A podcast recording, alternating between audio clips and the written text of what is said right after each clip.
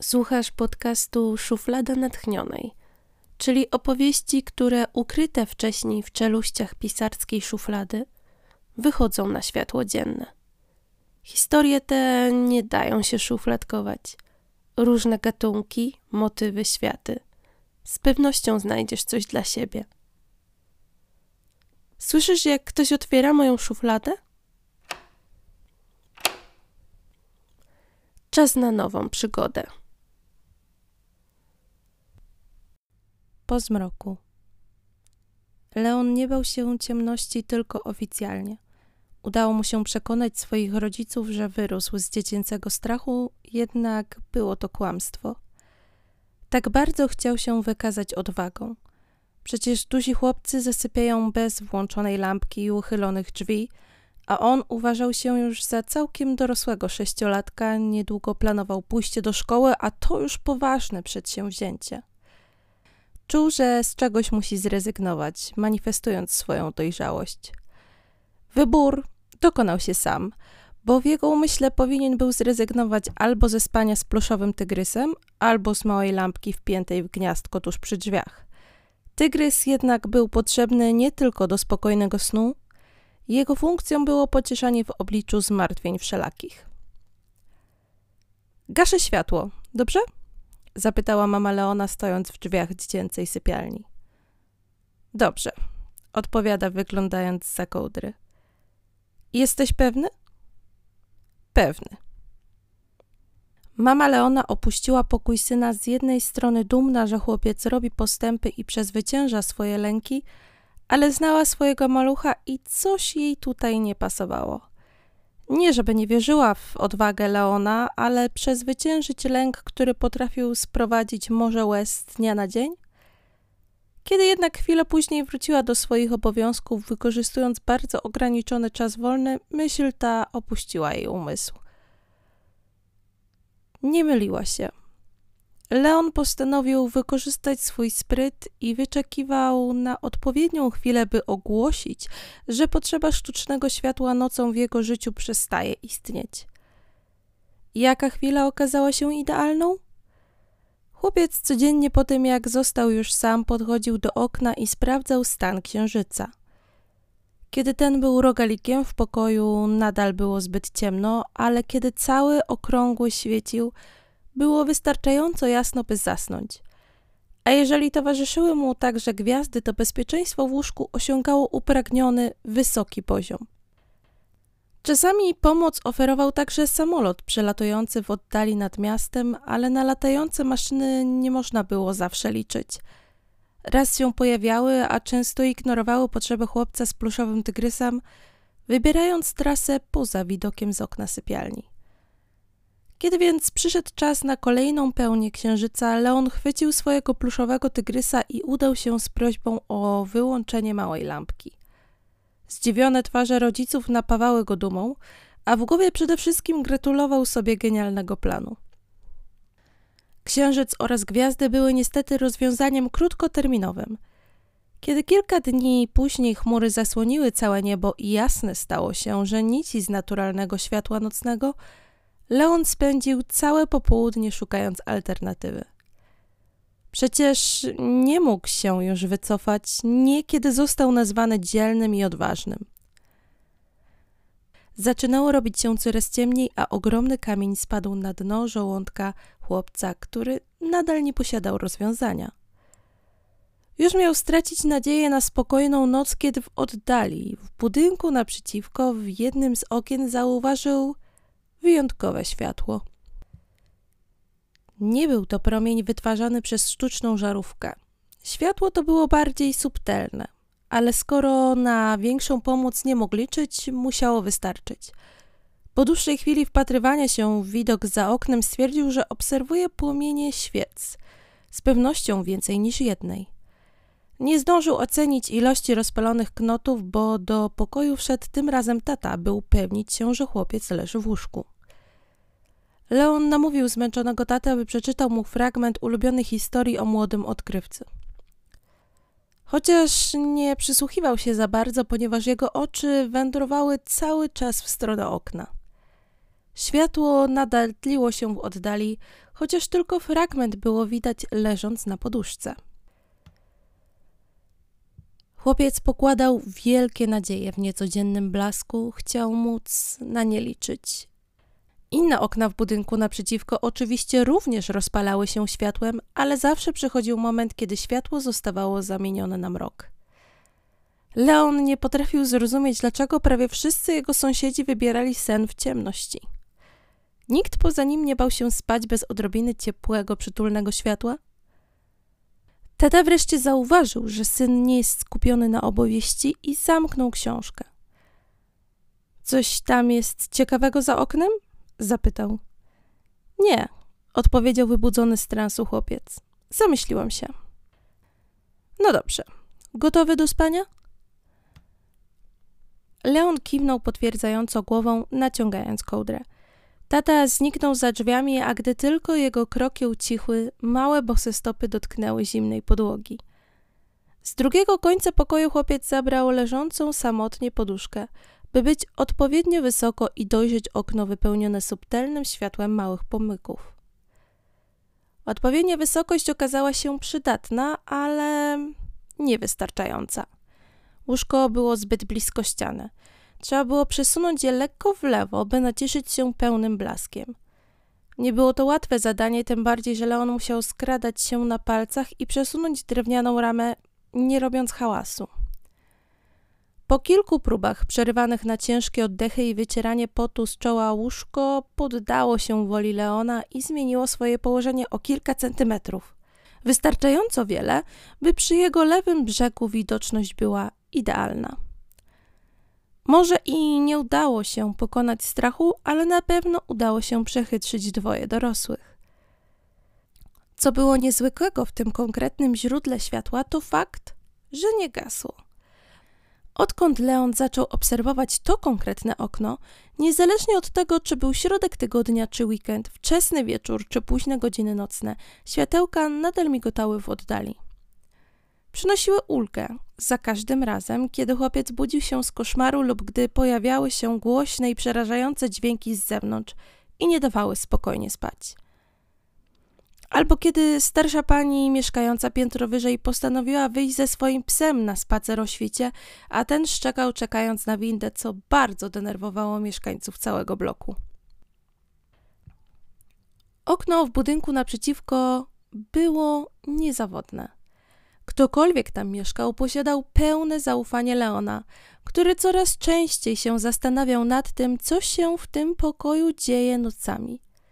Był wdzięczny za światło oczywiście, ale w momencie, gdy pomiędzy chłopcem a światłem w oknie stworzyła się pewnego rodzaju więź, dziecięca ciekawość postanowiła również zamieszkać pod kołdrą Leona, tuż obok pluszowego tygrysa. Po drugiej stronie okna rozświetlonego światłem świec znajdowała się młoda kobieta, mierząca się z nie lada wyzwaniem. Była nocnym markiem, ale nie z natury, a z wyboru. Chowała się przed swoimi współlokatorami, przed światem, ale przede wszystkim przed swoimi słabościami. Na co dzień była uśmiechnięta, nie w centrum uwagi, ale w kręgu zainteresowań. Ponadprzeciętna inteligencja, stosunkowo dobre wyniki w nauce i ogromne marzenia, które wydawały się być zamiast w zasięgu ręki na końcu sąsiedniej galaktyki. Pochylając się nad świeżym płótnem w blasku świec, próbowała poradzić sobie ze swoimi przegranymi. Sara, odkąd pamiętała, miała wobec siebie wysokie wymagania. Takie, których nie da się osiągnąć, nawet gdy próbuje się wszystkiego. Pozostawała jej tylko śmierć w trakcie niekończącej się próby i wiedziała, że to jedyny sposób na to, by osiągnąć coś wielkiego. Momenty chwilowego zadowolenia w morzu dni dyscypliny oraz wysiłku. Problem polegał na tym, że jej wysiłek od dłuższego czasu wydawał się nie przynosić żadnych rezultatów. Kochała i nienawidziła obraną przez siebie ścieżkę. W trakcie wyboru drogi, jak zwykle, zdecydowała się na najtrudniejszą trasę. Tylko osiągnięcie niemożliwego miało przynieść satysfakcję, a ona czuła drzemiącą w sobie siłę i uważała, że jest gotowa. Być może była naiwna, ale czy wszyscy wielcy, genialni, nie mają sobie genu szaleństwa? Wybrała sztukę, a konkretnie malarstwo. Z dwóch powodów. Naprawdę uwielbiała tworzyć. Uśmiech rozświetlał piegowatą twarz, kiedy ktoś przypisywał jej kreatywność. Dziwnego rodzaju satysfakcję przynosił fakt, że coś fizycznego, namacalnego wyglądało na światło dzienne z jej prowizorycznej pracowni zorganizowanej w kącie wynajmowanego pokoju. Ten sposób za młodo już udało jej się spełniać pragnienie, by coś po sobie pozostawić, które w różnej formie nawiedzało każdego człowieka, prędzej czy później. Poza tym malowanie wydawało się najtrudniejszym zajęciem, jakie mogła sobie wybrać, więc oczywiście tylko ono było warte jej wysiłku. Nie była naturalnie utalentowana. Konkurencja była ogromna, szanse na to, by żyć z pociągania pędzlem po płótnie mniejsze niż niewielkie. Jej wysokie wymagania wreszcie znalazły godne siebie wyzwanie. Co mogłoby się nie udać? Aktualnie pochylała się nad kolejnym płótnem, które miało wykrzesać z niej iskrę geniuszu. Po dokładnym przestudiowaniu historii, techniki i pozostałej teorii malarskiej nadszedł czas, by odnalazła swój styl. Zadanie, które od kilkunastu tygodni pokonywało ją za dnia. Próbując więc poradzić sobie z brakiem postępów z domieszką wstydu, że nie szło jej lepiej w pokoju, zamykała się coraz później. Dopiero wtedy, kiedy desperacja zaglądała do jej umysłu, mogła zmusić swoje zdemotywowane ręce do posłuszeństwa. Wieczory z zabarwionymi koniuszkami palców szybko zmieniły się w noce – Mówiła, że w ciemności pracuje wydajniej, ale tak naprawdę ukrywała się przed twarzami zastygłymi w rozczarowaniu. Szczególnie przed tą, którą obserwowała we własnym odbiciu. Świece? Te pojawiły się całkiem niedawno, kiedy zmęczenie zaczęło władać jej kruchym, wychudzonym ciałem. Przekrwione oczy odmówiły pracy w towarzystwie niebieskiego światła – Problemy z zaśnięciem były sygnałem od pozostałych członków, by wreszcie przeprosić cię z poduszką. Sara jednak zadrwiła z potrzeb swojego organizmu i ruszyła do sklepu z tanimi produktami z Chin. Tam zakupiła pakiet staromodnych świeczek oraz kilka najprostszych plastikowych świeczników i zaśmiała się zmęczeniu prosto w twarz. W blasku małych płomieni miały powstać dzieła oryginalne, z charakterem – jednak póki co woskowe świece były tylko świadkiem pierwszych oznak wypalenia młodej kobiety. Tubki z farbą były już pustawe, a po geniuszu ani śladu. Z zamyślenia nad tym, jak można ulepszyć cieniowanie, wyrwało Sarę energiczne pukanie do drzwi. Dochodziła trzecia nad ranem, więc uderzanie we framugę sprawiło, że malarka prawie upuściła pędzel na podłogę. Niemniej jednak wytarła ręce w ubranie robocze i podeszła do źródła hałasu, by uchylić lekko drzwi. Nie śpisz? zapytała wyraźnie pijana współlokatorka. Jak widać, Sara odpowiedziała uśmiechem. A ty nie masz jutro kolokwium z historii malarstwa? Może mam, może nie mam. No dobra, a jak było na imprezie? Marcin złapany w sieci miłości? Szkoda gadać. Cały wieczór spędził w objęciach Weroniki, która ewidentnie za wiele nasłuchała się o świetności francuskiego malarstwa, bo przyszła w berecie. To albo francuskie malarstwo, albo polskie babciństwo. Rechot wypełnił wąski korytarz. Przydałoby mi się wsparcie. Następnym razem ci nie odpuszczę. Musisz iść. Zastanowię się. Pijana współlokatorka oparła się o framugę drzwi, by lepiej jej było utrzymać pion. Serio mówię, twoje wielkie dzieło nie ucieknie, a młodość za chwilę ci minie. Zapadła niezręczna cisza pomiędzy dziewczynami, która została przerwana przez upadek trzymanej pod pachą filigranowej torebki. Współlokatorka Sary udała się do swojego pokoju.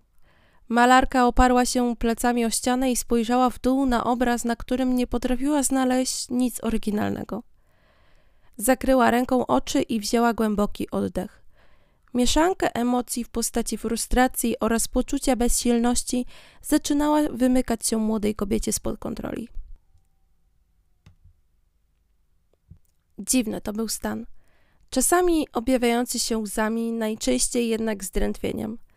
Poczucie, że chodzi po świecie w kompletnej ciemności i nie może liczyć na wskazanie drogi czy blask światła, który pomoże znaleźć odpowiednią ścieżkę. Sara nie odczuwała zazdrości wobec swojej współlokatorki. Wiedziała, że sporo ją omija. Sama zdecydowała się na taki los. Chciała tylko wiedzieć, że jej wysiłek przyniesie skutek, że pojawi się jakiś mały sukces, o który będzie mogła zaczepić swoją nadzieję na to, że uda jej się spełnić swoje cele. Stworzyć sztukę, która sprawia, że serca biją szybciej. Taki był cel. Kiedy już się uspokoiła, wróciła na swoje miejsce na podłodze, by ukończyć malowany obraz, a myślała już o następnym. Pociągnięcia pędzla coraz głębiej wchodziły w płótno, a ruchy nadgarstków były ostre, jakby miały przeciąć ostatnią warstwę rzeczywistości, by stworzyć nową. Malarskie noce nie były odstępem od normy. Stały się rutyną Sary, zwyczajem praktykowanym częściej niż jedzenie śniadania. Chęć przerodziła się w obsesję. Jej noc pracy zaczynała się zawsze tak samo. Zapałki, świece, przebranie się w ubrania robocze, czekanie na kompletną ciemność i praca. Wiedziała, że szanse są mikroskopijne. Nic nie wskazywało na to, że się uda, ale nie przestawała. Nie z wiary w siebie, ze strachu. Nie mogła znieść wizji swoich dni, gdyby wyciągnęła z nich element dążenia do wielkości. Jej zachowanie nie było zdrowe. O tym pierwszy raz się przekonała, kiedy jej nadgarstek rozpalił się którejś nocy, a każdy ruch sprawiał ból. Postanowiła jednak zignorować ten sygnał i pracowała dalej. Geniusze malarstwa realizowali swoje projekty z pewnością niezależnie od rządzeń losu. Ona nie miała być gorsza. Któregoś deszczowego popołudnia przeszywający ból głowy pojawił się znikąd, by zakłócić planowane malowanie w świetle świec. Dwie tabletki popite kieliszkiem wina nie pomogły. Siła Sary została wystawiona na próbę. Nie udało się powstrzymać strumienia łez. Młoda kobieta czuła się bezradna. Nie miała sił, by mierzyć się z kolejną przeciwnością losu. Bezgłośnie krzyczała w poduszkę, czekając, aż jej ciało zmęczy się na tyle, by wreszcie się poddać. Pokój w mieszkaniu studenckim w okolicy Uniwersytetu Artystycznego stał się świadkiem walki. Sara kontra Sara. Niech wygra najlepsza. Cały wachlarz emocji. Młody człowiek pragnący spełnić swoje wielkie marzenia. Upór mierzony w wypalonych świecach, pustych tubkach farby i intensywności cieni pod oczami. Za młoda, by się poddać, czy szukać alternatyw. Wystarczająco dojrzała, by się nie oszukiwać, że przyjdzie samo. Błędne koło, które prowadziło do destrukcji. Tylko co umrze pierwsze? Nadzieja czy sztuka? W obu sypialniach powietrzu wyczuć można było siarczystą nutkę strachu. Światło świec przynosiło Leonowi pewnego rodzaju ukojenie, będąc tarczą pomiędzy marzeniami a zmęczeniem dla Sary. Oboje polegali na nim, by przetrwać noc po nocy. Rodzice Leona zaskoczyli go jednak zaledwie kilka tygodni po tym, jak wszem i wobec ogłosił przezwyciężenie lęku związanego z wyłączeniem małej lampki. Wiedząc już, że mógł liczyć na światło w oknie Sary niezależnie od pory nocy, wydawało mu się, że przechytrzył dorosłych. Kiedy bawił się drewnianą kolejką na dywanie, jego pokój nawiedził tata, dzierżąc w ręce sporą miarkę. Zbliżył się do okna i rozłożył ją najpierw wzdłuż ramion, by potem manewrować w różne strony. Leonowi na początku podobał się dźwięk, który wydawała miara, kiedy chowała się wewnątrz opakowania.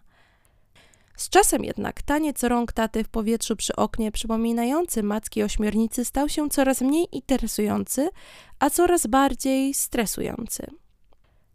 Chłopiec stanął tak, by zasłonić nowo powstałą dziurę między ścianą a łóżkiem, gdy te zostało w tajemnicy przesunięte, żeby widoczność rozświetlonego okna była zawsze niezakłócona. Co robisz, tato? Sprawdzam wymiary, odpowiedział, wzdychając. Dlaczego sprawdzasz? Przecież okna chyba nie można przestawić, co? Mama zarządziła, że po roku od przeprowadzki trzeba wreszcie zainstalować rolety. A co one dokładnie robią? Zasłonią okno, żeby nikt nie zaglądał do środka i żeby było ciemno, kiedy chcemy. Zaciekawienie bardzo szybko przerodziło się w panikę. Chłopiec pomyślał o kojącym świetle z okna naprzeciwko, które teraz mogło zostać mu odebrane. Następne kilka dni spędził w złym nastroju. Zdezorientowani rodzice nie wiedzieli, co było przyczyną tej zmiany zachowania. Leon był przygaszony, nerwowy, a powodu nie chciał wyjawić. Pluszowy tygrys nie odstępował go na krok. Kiedy nadszedł dzień montażu rolet, usta chłopca ustawiły się w podkówka. Podszedł do taty i pociągnął go za rękaw. Muszę mieć w pokoju rolety? zapytał nieśmiało. Jak o mnie chodzi, to w ogóle ich nie potrzebujemy, ale porozmawiaj z mamą. Leon po raz pierwszy wziął udział w rodzicielskiej zabawie przerzucania odpowiedzialności. Zapytaj mamę, zapytaj tatę. Podreptał do salonu, gdzie mama rozstawiła deskę do prasowania i skryła się za parą wytwarzaną przez żelazko. Mamo, a mogę nie mieć rolet w pokoju? Dlaczego, synku? Bo wtedy będzie bardzo ciemno, powiedział zawstydzony, wpatrując się w stopy. Mama spojrzała czule z nad góry ubrań do prasowania. Tata zamontuje rolety, ale umówmy się, że nie będziemy zasłaniać twojego okna, dopóki nie będziesz gotowy. Zgoda? Chłopiec przytaknął i odszedł przyglądać się instalacji przerażającego urządzenia. Nowa paczka tanich świeczek czekała już na swoją kolej w pobliżu miejsca pracy młodej artystki. Wszystko jednak wskazywało na to, że noce przestały być wypełnione wstydem i desperacją. Na podłodze kolory przestały współistnieć obok siebie obojętnie. Zaczęły ze sobą współpracować, układać się odpowiednio jakoś tak korzystniej. Podkrążone oczy zostały przyćmione przez tajemniczy uśmiech pojawiający się w blasku bladego światła. Powietrze dotąd ciężkie przestało przytłaczać. Sara próbowała ignorować kiełkujące dobre przyczucia. Nie chciała się kolejny raz rozczarować. Któregoś dnia, po wielu miesiącach nieudanych prób, pośród obrazów nijakich, stanął jeden z charakterem. Młodej kobiecie dotąd skarbionej udało się wyprostować. Powracająca współlokatorka z kolejnej imprezy wywołała w niej chęć otworzenia drzwi i wyściskania koleżanki. Nie odzyska już tych kilku wspomnień z imprez studenckich, do których miała powracać za 10 lat nad kieliszkiem wina z przyjaciółmi. Ale jaka to strata, kiedy wreszcie po tylu latach niespełniania swoich własnych standardów, zadowolenie jak ciepły prąd zaczęło rozchodzić się po jej ciele. Wiedziała, co chce robić, dokąd zmierzać i że robi kroki w odpowiednim kierunku. To znaczyło więcej, niż była sama przed sobą przyznać. A gdy jej wysiłki, dotąd nie przynoszące owoców, przerodziły się w pierwszy mały sukces, świat zaczął wirować. Artysta nigdy nie zapomina dnia, kiedy usłyszał pierwsze pochlebne słowo dotyczące swojej twórczości. Gdy pochwała penetrowała duszę jak trucizna, a umysł zdał sobie sprawę, że z tej drogi nie ma odwrotu. Zawsze już będzie pragnął więcej. Tamtego dnia okno Sary wypełniła ciemność. Leon i Sara potrzebowali światła świec, by przezwyciężyć swoje lęki i móc osiągnąć pełny potencjał. Mimo tego, że nigdy się nie poznali, chociaż setki razy minęli się w okolicy swojego zamieszkania, nie zwracając na siebie uwagi, ich losy połączyło pragnienie czegoś więcej i wystawianie swojej odwagi oraz cierpliwości na próbę. Ich prośby zostały wysłuchane. Sara została wyróżniona w konkursie dla młodych adeptów malarstwa. Nadal daleko jej do geniuszu, ale otrzymała swoją iskierkę nadziei, która wystarczy na kolejne tysiąc prób. Następnej nocy w pokoju artystki po kilku dniach przerwy rozpalił się ogień pasji oraz kilku tanich świec. W sypialni Leona. Po życzeniu sobie z mamą dobrej nocy, chłopiec podszedł do okna z pluszowym tygrysem w ręku, wspiął się na pobliskie krzesło i spuścił rolety. Był wdzięczny za tygodnie przyglądania się światłu świec w oddali, ale był też gotowy. Zmierzyli się ze swoją ciemnością i wyszli z tej potyczki zwycięsko. Kolejna opowieść dobiegła końca a następna pojawi się w przyszłym miesiącu. Jeżeli nadal mnie słuchasz, to wiedz, że Twoja wytrwałość jest źródłem mojego natchnienia. Zamykam szufladę na krótką chwilę i pochylam się ponownie nad klawiaturą. Do usłyszenia.